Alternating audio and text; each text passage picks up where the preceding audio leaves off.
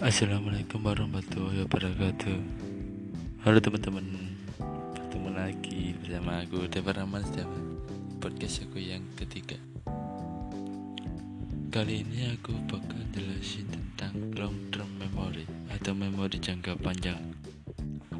Long term atau memori jangka panjang adalah suatu jenis memori yang relatif permanen yang menyimpan sejumlah memori yang besar untuk informasi dalam waktu yang lama.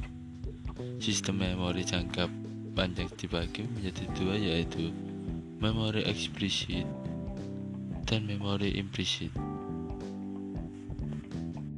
Yang pertama adalah memori eksplisit meliputi memori episodik dan memori semantik sedangkan memori implisit meliputi memori procedural priming dan pengondisian gerasi kutipan dari Laura King 2017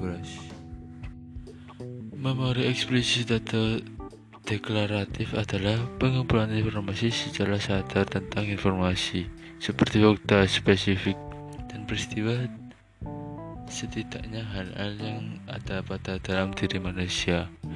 Informasi yang dapat dikomunikasikan secara verbal psikolog kognitif Kanada membedakan antara dua subtipe memori eksplisit, yaitu episodik dan simpatik. Memori episodik adalah penyimpanan informasi tentang di mana, kapan, dan apa yang terjadi dalam hidup. Bagaimana cara kita mengangkat episode kehidupan. Memori episodik adalah autobiography biografis. Sedangkan memori simantik adalah pengetahuan tentang dunia. Hal ini mencakup area seseorang keahlian. Pengetahuan umum yang dipelajari di sekolah.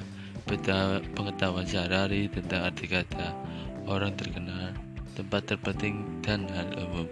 Kutipan dari Laura Aking 2017